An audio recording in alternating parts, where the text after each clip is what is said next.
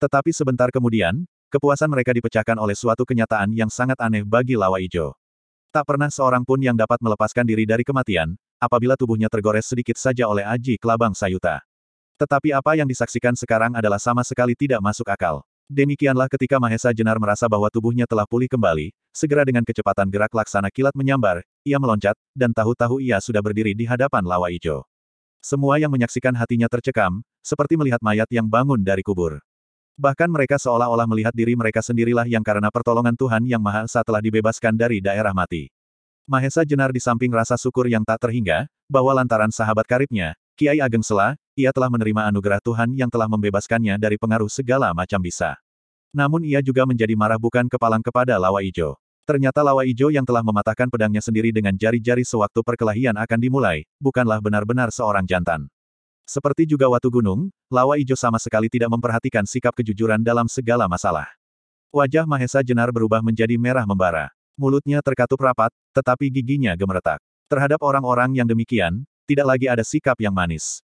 Maka karena marahnya yang meluap-luap, Mahesa Jenar tidak lagi dapat mengendalikan dirinya sendiri. Sebelum Lawa Ijo sadar terhadap kejadian itu, Mahesa Jenar telah mengangkat satu kakinya yang ditekuk ke depan, tangan kirinya disilangkan di atas dadanya, sedangkan tangan kanannya diangkat tinggi-tinggi. Secepat kilat Mahesa Jenar meloncat maju, dan dengan sedikit merendahkan diri ia menghantam lambung lawannya dengan ilmunya yang terkenal, Sasra Birawa. Lawa Ijo melihat segala gerak-gerik lawannya seperti dalam mimpi. Ia baru sadar ketika tiba-tiba dilihatnya Mahesa Jenar meloncat dekat sekali di hadapannya, dan tangannya melayang ke arah lambungnya. Tetapi segala sesuatunya telah terlambat. Terkena pukulan sisi telapak tangan Mahesa Jenar yang dilambari ilmu sasra birawa itu rasanya bagaikan tertimpa seribu gunung yang runtuh bersama-sama. Demikian Lawa Ijo merasakan kedahsyatan sasra birawa, pandangannya terlempar dengan derasnya seperti anak panah yang terlepas dari busurnya mengarah tepat ke sebatang pohon raksasa yang berdiri kokoh kuat bagai benteng baja. Mereka yang menyaksikan peristiwa itu menjadi bingung. Mereka tidak dapat mengerti perasaan apa yang berkecamuk di kepalanya, seolah-olah terlepas dari kesadaran diri. Sebab kejadian yang dilihatnya itu adalah hal yang tak dapat dibayangkan bisa terjadi. Tetapi belum lagi tersadar, telah disusul pula oleh suatu peristiwa yang lain, yang tidak dapat mereka mengerti pula.